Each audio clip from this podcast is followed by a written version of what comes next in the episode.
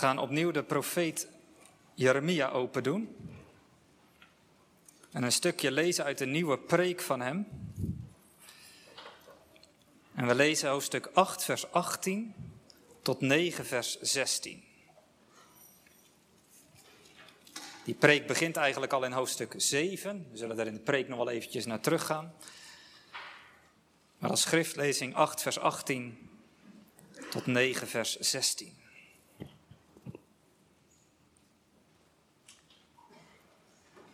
8, vers 18.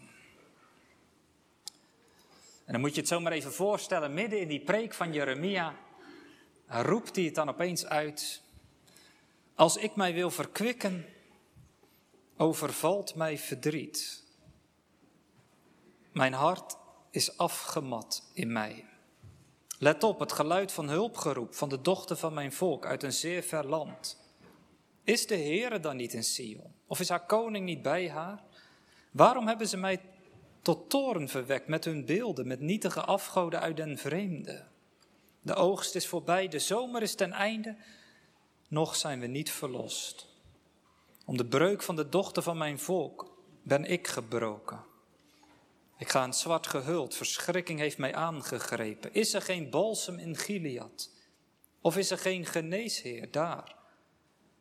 Waarom is er dan geen herstel opgetreden bij de dochter van mijn volk? Och, was mijn hoofd maar water. En mijn ogen een bron van tranen. Ik zou dag en nacht wenen. Over de gesneuvelde bij de dochter van mijn volk. Och had ik maar in de woestijn een kamp voor reizigers. Ik zou mijn volk verlaten en ik zou bij hen weggaan. Want ze zijn alle overspelers, een trouweloos gezelschap. Ze spannen hun tong als een boog, met leugen en niet met betrouwbaarheid. Ze zijn in het land sterk geworden. Ze gaan voort van slechtheid tot slechtheid. En mij kennen ze niet, spreekt de Heer. Laat een ieder voor zijn naast op zijn hoede zijn. Vertrouw op geen enkele broeder. Want elke broeder doet niets anders dan bedriegen. Elke vriend gaat rond met lastenpraat. En ieder bedriegt zijn naaste. Ze spreken niet de waarheid. Ze leren hun tong om leugens te spreken. Ze vermoeien zich met onrecht doen. U woont te midden van bedrog. Door bedrog weigeren ze mij te kennen, spreekt de Heer. Daarom zo zegt de Heer van de legermachten, zie, ik ga hen louteren en hen beproeven. Want toen zou ik anders handelen ten aanzien van de dochter van mijn volk. Hun tong is een moordende pijl, bedrog spreekt hij. Met zijn mond spreekt men van vrede met zijn naaste, maar in zijn binnenste legt men hem een hinderlaag. Zou ik hen deze dingen niet vergelden, spreekt de Heer? Of zou mijn ziel zich op een volk als dit niet wreken? Ik zal een geween en een rouwklacht aanheffen over de bergen, een klaaglied over de weiden van de woestijn. Want ze zijn afgebrand, zodat niemand er doorheen trekt. En men hoort nergens het blaten van vee. Van de vogels in de lucht tot de dieren op het land, ze zijn gevlucht, weggegaan. Ik zal van Jeruzalem steenhopen maken, een verblijfplaats voor jakhalzen. Ik zal van de steden van Juda een woestenij maken, zodat niemand er meer woont. Wie is de wijze man die dit begrijpt? Tot wie de mond van de Heer heeft gesproken, dat hij het bekend kan maken? Waarom is het land vergaan, verwoest als de woestijn, zodat niemand er doorheen trekt? De Heere zegt, omdat zij mijn wet verlaten hebben, die ik hun had voorgehouden. En omdat ze niet geluisterd hebben naar mijn stem en daarna niet hebben gewandeld.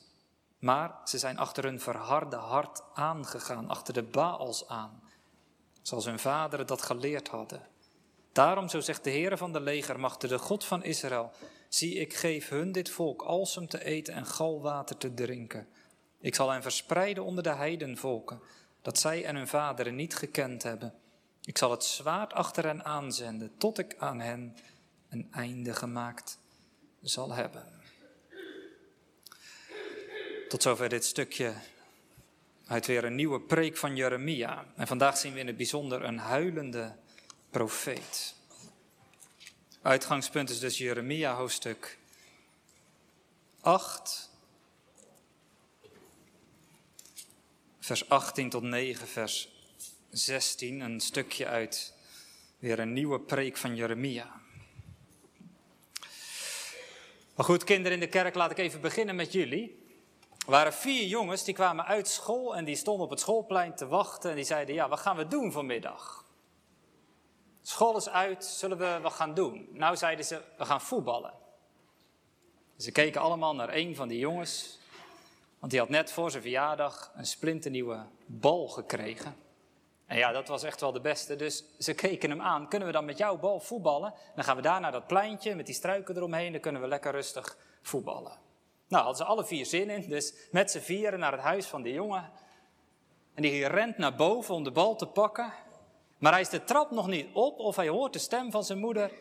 Je bent toch niet vergeten dat we zo naar de tandarts moeten? Ja, dat is waar ook. Naar de tandarts. Dus met dezelfde vaart hij weer naar beneden. Kan niet vanmiddag. Moet naar de tandarts. Nou, die andere drie een beetje teleurgesteld.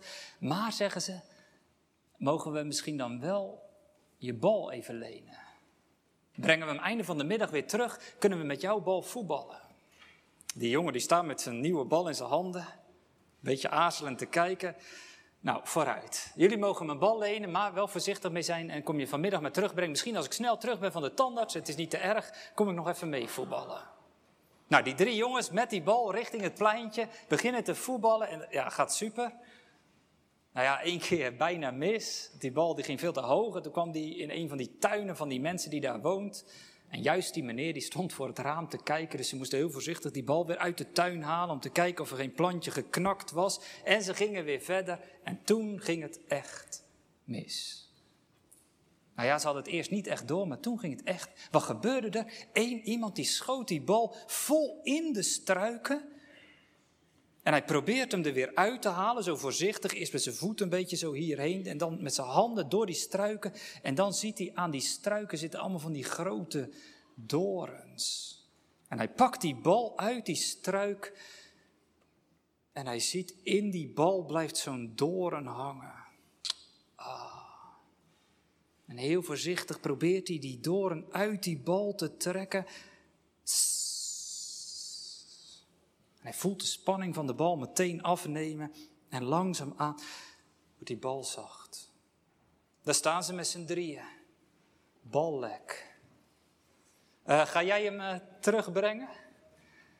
Jij, jij woont vlakbij hem in de straat. Jij komt er langs. Wil, wil, jij hem terugbrengen? Kun je het gelijk even zeggen? Ja, dag. Jij schoot hem erin. Ga jij hem maar terugbrengen? Nou ja, jij zit op school naast hem. Jij bent best met hem bevriend. Zou jij hem willen terugbrengen? En die bal die gaat van de een naar de ander. Nee hoor, jij brengt hem maar terug. Nou ja, dat snap ik wel een beetje. Want ja, om die bal terug te gaan brengen en te gaan vertellen dat je hem net lek hebt geschoten, dat is niet zo leuk om te zeggen. Kijk, als je iets leuks mag vertellen, stel je voor er is iemand ziek op school en die heeft iets gewonnen en de juf vraagt uh, wie wil even die prijs bij hem thuis brengen. Want hij heeft iets gewonnen, hij is ziek, hij kan hem niet ophalen. Hij zegt, ja, ik wil hem wel brengen, dat is leuk om te vertellen. Joh, je hebt iets gewonnen. Maar om iets minder moois, een slecht bericht te gaan brengen, dan zeggen we, weet je wat, doe jij het maar. Nou, weet je wat, kan jij niet, doe jij het maar. Dan zie je daar tegenop. Daar kun je soms zo tegenop zien, dat als je die bal gaat terugbrengen, dat je gewoon een beetje buikpijn hebt. Gewoon dat je voelt aan je lichaam, ik moet iets heel naars gaan zeggen. En dat, dat je daar tegenop ziet. Nou, kinderen in de kerk, daarover gaat het vanmorgen. Vorige week hoorden wij dat de profeet Jeremia iets heel ergs moest gaan zeggen tegen het volk. De maat is vol. En vandaag kijken we niet zozeer naar de boodschap, maar naar de boodschapper. Niet zozeer naar de profetie, maar naar de profeet. Je zou het maar moeten zeggen. Hoe doe je dat? Hoe ga je dit vertellen? Die woorden, de maat is vol, hoorden we vorige week. Ze roepen vrede, vrede, maar er is geen vrede. Dat volk is ongehoorzaam. En vandaag zien we Jeremia, hij heeft er buikpijn van. Hij, hij voelt het aan heel zijn lichaam. Die boodschap die hij moet gaan brengen. De profeet Jeremia, die diep in zijn hart ook altijd nog een beetje priester bleef. Hoe staat hij erbij? Nou zegt vers 18. Het verdriet overvalt mij. Mijn hart is afgemat. Hij zegt in hoofdstuk 9, vers 1: Was mijn hoofd maar water en mijn ogen een bron van tranen, dan kon ik het dag en nacht huilen. Hij zegt in vers 2: kon ik maar naar de woestijn vluchten. Naar dat gebied met alleen maar zand. Kon ik maar lekker daarheen vluchten. Gewoon niets en niemand om me heen. Hij wil weg. Nou, voordat we, en dat hoop ik dat het vandaag ook een beetje lukt, een beetje begrip krijgen, dat, we een beetje kunnen ingaan leven in die profeet Jeremia, toch nog even iets over die boodschap die hij moet gaan brengen. Want hij heeft vandaag wel een heel bijzondere preekstoel gekregen. Normaal gesproken staat hij op een van de tempelpleinen, dat hebben we al eerder gezien. Moet hij naar Jeruzalem, naar het tempelcomplex en op, op een van die pleinen waar de profeten dan stonden en de priesters ook onderwijs gaven, daar staat Jeremia dan en dan komen die mensen naar hem toe. Maar de Heere zegt tegen Jeremia, je krijgt vandaag een bijzondere plaats aangewezen. Die, preek die begint in hoofdstuk uh, eh, 7, zei ik. Nou, als je even meebladert, hoofdstuk 7, vers, uh, vers 2. God zegt tegen Jeremia, waar moet je naartoe? Ga in de poort van het huis van de Heere staan en predik daar dit woord. Jeremia, je moet nu is niet naar het tempelplein, je moet naar de poort van de tempel. Of de poort van de stad Jeruzalem. We weten niet precies welke poort er bedoeld wordt, maar die grote poort voordat je het tempelcomplex binnenging, die grote hoge poort. En God zegt Jeremia, ga in het midden van die poort staan en ga daar deze preek houden. Zie het voor je? Al die mensen die aankomen, die naar de tempeldienst willen, die hun offers willen gaan brengen, die, die de reukoffers willen zien gaan, de gebeden. Ze komen overal vandaan, door de poort heen, op weg naar het heiligdom, naar het, naar het tempelcomplex. Maar daar staat Jeremia en hij zegt, wacht.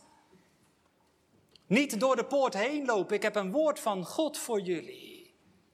Kijk, kijk eens omhoog, die poort waar ik in sta. Jullie zingen zo graag, hè? Ga tot zijn poorten in met lof, met lofzang, in zijn heilig hof. En dan komen jullie aanlopen en dan zing je Jeruzalem dat ik bemin. Wij treden uw poorten in. En terwijl je onder de poort doorloopt, soms houd je even je hand gewoon tegen de zijkant, hè, die grote ruwe stenen. En dan zeg je het, dit, dit is de poort des Heren. Daar zal het rechtvaardig volk doortreden. Om hun God ootmoedig te eren voor het smaken van zijn zaligheid. Nou zegt Jeremia, wacht eens even. Dit is de poort des Heren, daar zal het rechtvaardig volk doortreden. En precies daar wil hij de vinger bij leggen. Want jullie roepen met elkaar, vers 4 van hoofdstuk 7, de tempel van de Heere, de tempel van de Heere, de tempel van de Heere is dit. Maar Jeremia zegt, als je je leven niet betert, als er geen enkele bekering is, als die zonden maar voort blijven woekeren, dan is dat lege taal. Dan heeft dit niets met het huis van de Heer te maken. Dan luistert God niet naar die offers en die gebeden. En dan, dan, dan is, zegt vers 11, dit huis niets anders dan een rovershol. Ik weet niet of je van concrete preken houdt. Jeremia is akelig concreet als het gaat over gewoon de zonden die, die er zijn. Hè? Hij zegt, weet je waarom jullie niet naar binnen mogen? Waarom ik jullie hier bij de poort al tegenhoud? Ik zie in dat dorp waar je woont een vreemdeling en een wees en een weduwe. En die hebben het veel te zwaar voor wat mag in Israël. God zegt uh, in hoofdstuk 7, uh, eh, hoe staat het met de vreemdeling, vers 6, de wees en de weduwe, die wordt onderdrukt. God heeft altijd een soort extra zorg hè, voor, voor de vreemdeling, de wees en de weduwe. Want, zei God, u bent zelf een vreemdeling geweest in het land Egypte. Als er één volk was wat, wat wist hoe zwaar het is om een vreemdeling te zijn, dan Israël wel. En hoe zwaar het is als je dan slecht behandeld wordt als, als slaven in den vreemde. En God had gezegd, en daarom jullie in Canaan extra goed zorgen hè, voor, voor de wees, de weduwe en de, en de vreemdeling. Jeremia zegt, als je dat niet doet, kun je wel vroom en vrolijk het heiligdom binnenlopen. Maar ga eerst eens terug en je leven beteren. Hij zegt in vers 9 van hoofdstuk 7, ik zie stelen. Ik zie doodslaan, overspel, valse eden. Jullie brengen reukoffers aan Baal, andere goden achterna. Kortom, heel fijntjes en scherp legt hij de vinger op de zere plek. Hij zegt, de zonde die gaat maar door en door. En nou ja, in hoofdstuk 9, wat wij dan hebben gelezen, dan gaat het met name over de zonde van de tong. Dat dat mensen, ja, er staat in vers 3, zij spannen hun tong als een boog. Die, die tong is als een soort gespannen boog waarmee je pijlen schiet om een ander te verwonden. Zo, zo is de tong van jullie geworden, vol van bedrog. Jullie liegen maar raak, zegt hij in vers 3.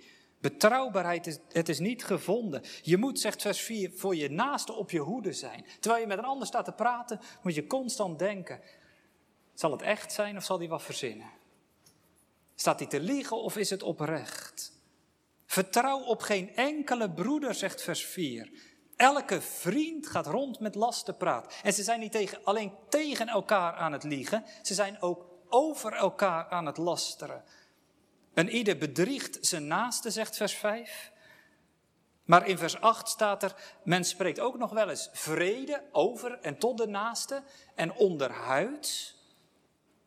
Ja, dan is men bezig een hinderlaag te leggen. In, in het gezicht vriendelijk en aardig en, en achter je rug om een hinderlaag. Het is met de tong een, een bron van leugen en bedrog geworden. En ze zijn daarin zo listig geworden dat ze dat ook kunnen kopiëren op het geestelijke. Dat je met de mond nog vrolijk kunt zingen. Wij gaan de tempel van de Heer in. De tempel van de Heer is dit. En je kijkt blij om je heen. En Jeremia zegt: Wacht, voordat je de tempel binnengaat, hier in de poort. Je komt er niet zomaar in. We kunnen niet zomaar de eredienst doorgang laten vinden als dit speelt. Ik moest eventjes denken bij Jeremia in de poort aan een van de beroemdste preken die ooit in Denemarken is gehouden. En dat is eigenlijk een preek die nooit is gehouden. De bekende Deense predikant, dominee Kai Munk, predikant in het uh, klein, klein Deens dorpje, nadat hij in Kopenhagen was afgestudeerd, verhuisde hij naar een piepklein dorpje in het Jutland, uh, eh, 700 inwoners. En Trouwens, als iemand van de zomer nog eh, Denemarken bezoekt, in Nederland is die niet zo bekend. Maar zou je even naar sporen van hem op zoek moeten gaan, want in, in Denemarken is het echt een held.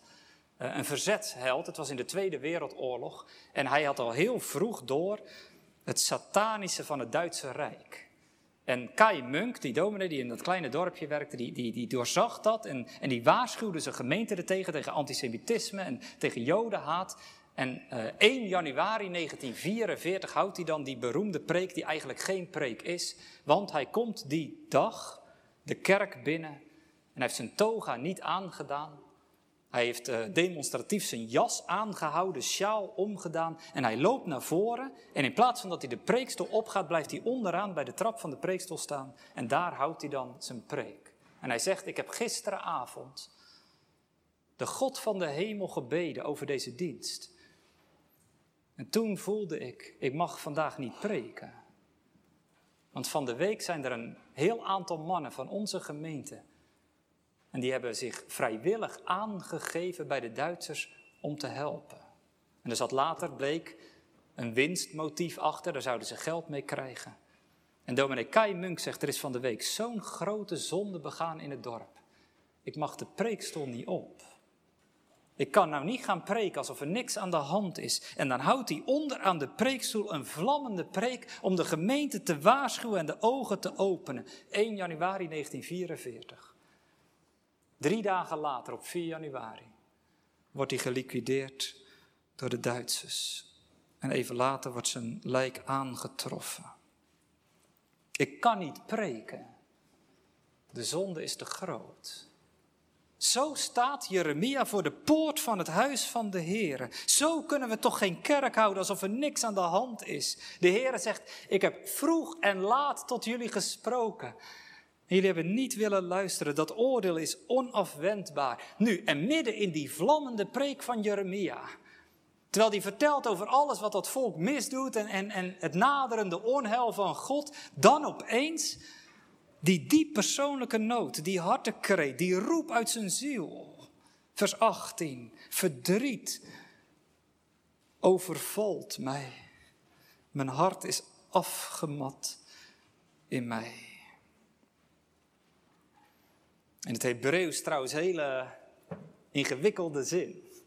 Het is heel stoterig. Het is haast niet te vertalen als een gewoon zinnetje. Ik, ik probeer me te verkwikken, ik probeer me een beetje op te beuren, wat vrolijk te doen. Maar, maar met dat ik dat probeer, valt het verdriet als een zware deken over mij heen. Mijn hart is ziek, afgemat, mijn hartslag zwak. Hoewel, het is misschien wat lastig te vertalen. Ik geloof wel iedereen ook vanmorgen, die ergens in zijn leven zo'n diepe wond meedraagt. Die ergens een stille pijn in zich heeft. Herkent dit wel, hè? Die, die taal van Jeremia, dat je zegt, ik probeerde me even op te beuren, ik moest er even uit moest even ergens naartoe en, en midden in dat verdriet, dan ga je toch eventjes voor de spiegel staan, een beetje opknappen, proberen jezelf wat op te beuren. En terwijl je daarmee bezig bent, ik probeer mijzelf te verkwikken en opeens valt dat verdriet over je heen en zitten de tranen weer hoog. Vrolijk zijn, ook niet voor even, het lukt gewoon niet. Als een deken over mij heen valt het verdriet. Och, was mijn hoofd maar water, mijn ogen bron van tranen. Dan kon ik maar met, dat, met die tranen ergens heen, wisten ze de weg maar. Ik zou dag en nacht wenen. Och, had ik maar in de woestijn een kamp voor reizigers, zegt vers 2. Ik zou mijn volk verlaten en ik zou weggaan. Moet je je voorstellen, zo'n zo'n kampement, ja, die had je in de woestijn. Die, die woestijn die werd natuurlijk ja, niet echt bewoond, maar je moest er wel vaak overheen. Karavaanroutes, handelsmissies. En wat hadden ze dan? Dan hadden ze op plekken waar een beetje schaduw was, waar toch wat groeide, hadden ze kleine hutjes gemaakt, kampjes gemaakt, waar, waar die reizigers die op doorreis waren dan ja, konden verblijven om even op adem te komen op die route. Van die kleine hutjes in de woestijn. Jeremia zegt, Terwijl hij in de poort van het huis van de Heer staat te preken tot dat volk. Kon ik maar weggaan. Kon ik maar daar naar dat. Zo'n hutje in de woestijn lijkt me beter dan hier in de tempel van God. Zo'n hutje met alleen maar zand, zand, zand om je heen. Gewoon even nergens aan hoeven denken. Geen verplichtingen, geen gedoe, geen gezeur, geen mensen. Gewoon, gewoon stilte. Liever zo'n ongeriefelijk, troosteloos hutje in de woestijn dan hier in de poort van het huis van God met dit volk. Hij wil weg, Jeremia. Oh, ik zou mijn volk verlaten en ik zou weggaan. Ja, zeg je misschien, wacht even.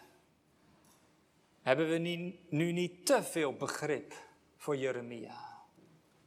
Tuurlijk, ik snap ook best wel, Jeremia is ook gewoon een mens en het is ook heel menselijk. Dit is haast, ja, zo lees ik het, haast spontaan, zo'n zo'n zo'n zucht uit zijn hart. Oh, dat, verdriet, dat over. Kon ik maar weggaan hier.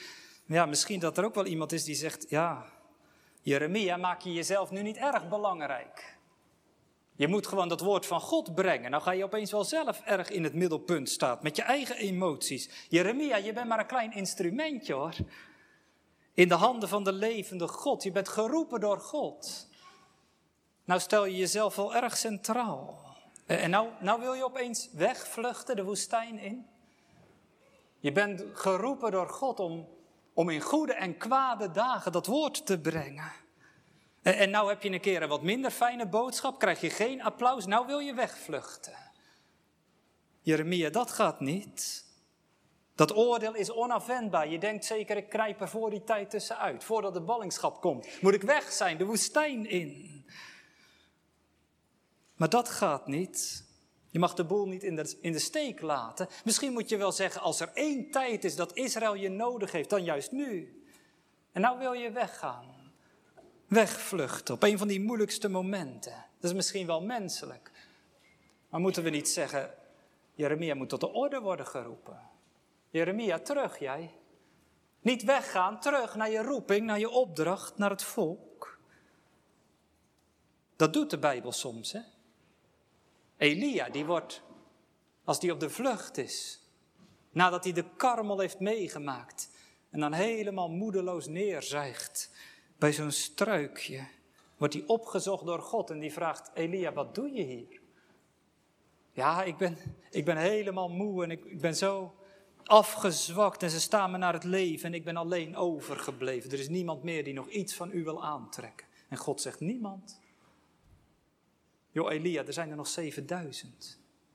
En hij geeft hem een nieuwe opdracht. Elia, wat doe je hier? Terug naar je opdracht, terug naar je roeping. In alle liefde, maar toch, terug jij.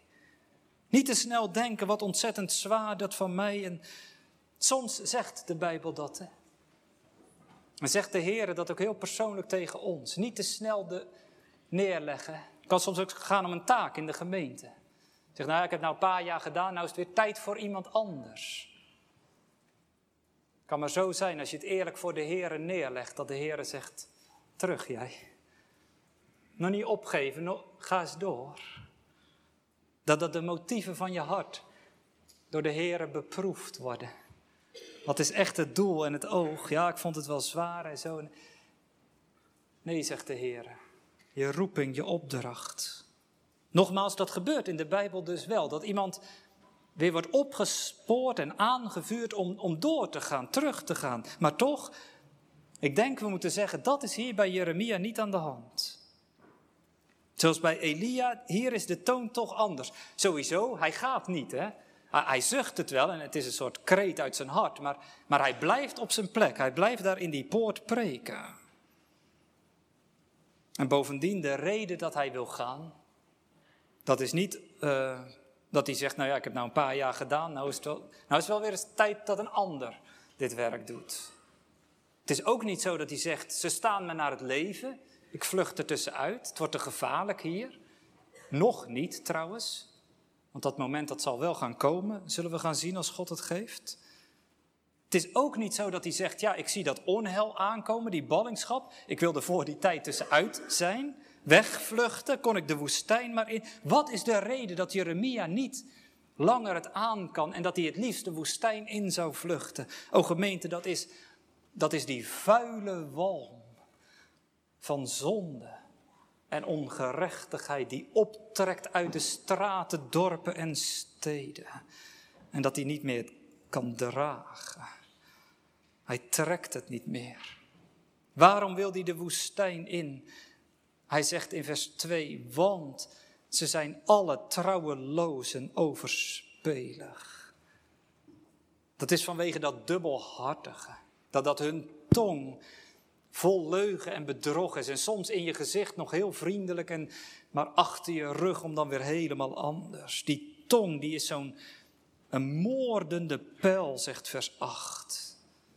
En vernietigt en verwoest zo, vanwege die, die zonde. Jacobus zal later zeggen, die tong van ons is iets geks. Met een tong kun je zegenen en vloeken. Met die ene tong kun je God loven en kun je iemand vervloeken. Uit diezelfde mond komt dat voor. Het is een klein vuur dat een grote hoop hout kan aansteken. Het, het is als, als je tong gebruikt wordt als een vurige pijl om te verwoesten en stuk te maken, dan is je tong, zegt Jacobus, een vuur dat is rechtstreeks aangestoken in de hel. Met je tong kun je zegenen, maar je kunt ook vervloeken.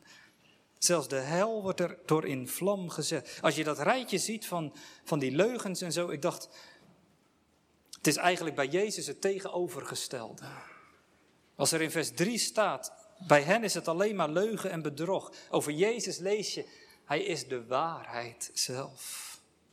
Als er staat in vers 3, ze zijn sterk geworden door slechtheid. Jezus zegt, ik ben arm geworden om jullie overvloed te geven. Als er staat in, in, in vers 5, ieder spreekt en bedriegt. Van Jezus wordt gezegd, er is nog nooit een bedrog in zijn mond geweest. En nou ik het toch even over de Heer Jezus heb. Ik dacht, er is nog een reden dat Jeremia hier opeens breekt. En de tranen de vrije loop laat. Dat is niet alleen omdat hij heel menselijk is als profeet, maar omdat Jeremia ook altijd priester bleef. Hij kwam uit een huis en een geslacht van priesters. En diep in zijn hart is het altijd ook een priesterjongetje gebleven. Daar staat hij te preken voor die mensen. Waarom breekt hij? Hij houdt van die mensen. Die mensen voor hem, die, die kent hij. Dat, dat zijn zijn, zijn broers en zijn, zijn neven en nichten. En dat zijn de mensen van zijn eigen volk. Dat zijn zijn dorpsgenoten. En hij houdt van die mensen. Vers 21 zegt, waarom breekt hij? Vanwege de breuk van de dochters van mijn volk. Het zijn mijn familieleden, die Judeërs. En dan moet je je even voorstellen, dan ben je profeet. En een profeet doorziet, hè? Een profeet is een ziener. Een profeet weet wat er gaat gebeuren. Die profeet Jeremia, die ziet het onheil al komen.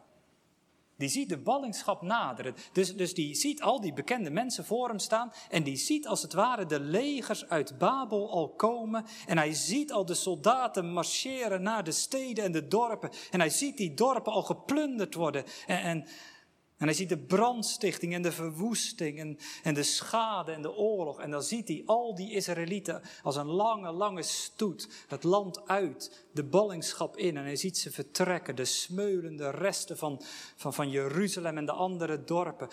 En hij ziet dat volk gaan. En dan ziet hij ze zitten in dat verre, vreemde land. En dan ziet hij hun verdriet. En hij hoort hun roepen. Hij zegt in vers 19, ik hoor al het geluid van het hulpgeroep van de dochter van mijn volk uit een zeer ver land. Hij ziet die ballingschap al helemaal naderen. En dan bezwijkt hij. Oh, als ik mij even wilde verkwikken, het lukt me niet. Het, het verdriet overvalt mij vanwege de dochters van mijn volk. Nogmaals, hier zie je de priester en nou kan ik niet anders dan in die Jeremia iets zien van de grote priester en de hoogste profeet, Jezus Christus, die met zijn priesterhart naar deze wereld kwam en die vanaf het begin van zijn menswording op aarde geleden heeft. Moet je je voorstellen, Jezus, die de wereld kende toen het geschapen werd, volmaakt en goed. En nu liep hij rond in die wereld waarin de walm van de zonde zo doortrekt. dan hoef je niet naar Israël te wijzen. Houd het maar heel dicht bij die walm van je eigen zonde en ongerechtigheid. En het verdriet Jezus. Zozeer dat we hem op een gegeven moment zien. Bedroefd en zeer angstig geworden. En dat hij tot zijn discipelen zegt: Mijn ziel is zeer bedroefd tot de dood toe. En hij wierp zich met het gezicht ter aarde en hij smeekte de Vader, als het mogelijk is, laat deze drinkbeker van mij voorbij gaan. En in zware zielenstrijd bad hij des te vuriger. Zijn zweet werd als grote druppels bloed die op de aarde neervielen. Hij zag die beker van Gods toorn over alle zonden. En hij vroeg, Vader, als het mogelijk is, laat deze drinkbeker aan mij voorbij gaan. Maar niet mijn wil, maar de uwe geschieden. En zo ging hij naar het kruis. En zo dronk hij de beker helemaal leeg. Nam hij al die schuld en zonde weg tot de walmen toe. Om te vergeven en te verzoenen. Hij stond op uit de doden. En als de koning, de vorst van het leven, deelt hij uit wat? Zaligheid, redding, verlossing van het komende onheil. Of misschien mag ik het vanmorgen wel zeggen met de woorden van, van Jeremia. Wat deelt Jezus uit? Wat heeft deze wereld nodig? Wat heeft dit volk Israël nodig? Wat heeft u? Wat heb jij? Wat hebben we nodig? Nou, met de woorden van Jeremia. Balsem in Gilead. En misschien vanmorgen in het bijzonder wel hen. Die heel erg meevoelen met Jeremia. Van wie de tranen soms heel hoog zitten. Omdat een diep verdriet of een stil lijden meegesjouwd wordt. Balsem uit Gilead. Dat is een spreekwoord geworden in Israël. Is er nog balsem in Gilead? Een hele bekende uitdrukking geworden. Dat is uh, Gilead. Dat is dat gebied ten noordoosten van de Jordaan. Balsem in Gilead was een soort meer. Een balsem, dat werd van de, de hars van een boom, waarschijnlijk de Oosterse amberboom van de hars. De olie die daaruit drupte, die geperst werd, daar werd een, een zalf, een, een balsem van bereid. En die balsem die was heerlijk qua geur, was heel kostbaar. Die was beroemd tot, tot ver buiten de grenzen van Israël. En die balsem die rook niet alleen heerlijk, maar die had ook een, een hele verzachtende en geneeskrachtige werking. En daarom was in het gebied van Gilead, zeggen sommige uitleggers, waren ook verschillende artsen en doktoren actief. Die speciaal kennis hadden en kunde van medicijnen, wonden enzovoorts balsem uit Gilead. Is er nog een geneesheer daar? En die werd uh, niet alleen voor wonden gebruikt, hij werd ook gebruikt voor het reukoffer bijvoorbeeld in de tempel. En die werd niet alleen in Israël gebruikt, maar die werd ook wereldwijd verkocht. Een uh, heel bijzonder voorbeeld daarvan vinden we bij Jozef. He, Jozef en zijn grote broers, he, alle tien zijn ze jaloers. Wat gebeurt er dan? Dan wordt hij in de put geworpen. En dan verkopen zijn broers Jozef aan een slavenkaravaan zingen we dan. Maar dat is eigenlijk niet helemaal waar. Het is niet een slavenkaravaan, het is een handelskaravaan. En weet je wat je dan in de Bijbel leest? Toen zagen ze die karavaan van Ismaëlieten komen uit Gilead. En bij hun kamelen droegen ze mee specerijen, meren en balsem. En ze waren op weg om dat naar Egypte te brengen. Dus die karavaan die Jozef uiteindelijk als slaaf zal meenemen, die was op weg gegaan naar Gilead om die kostbare balsem uit Gilead mee te nemen en te brengen in Egypte. Jeremia zal later zeggen, jullie hoeven toch niet om te komen. Ga naar Gilead om balsem te halen. Is er geen balsem in Gilead? Is er geen geneesheer daar? Dat is natuurlijk ook het lastige voor Jeremia. Hij weet van de geneesheer. En hij weet van de balsem in Gilead. Trouwens, vandaag niet anders, toch? De bekende uitlegger Matthew Henry, hij zegt, die balsem uit Gilead, dat is het bloed van Jezus. En die geneesheer, dat is de Heilige Geest. En hij gaat rond, vanmorgen door de gemeente, om balsem te smeren op de wonden van uw leven is er geen balsem in Gilead. Hij heelt gebrokenen van harte.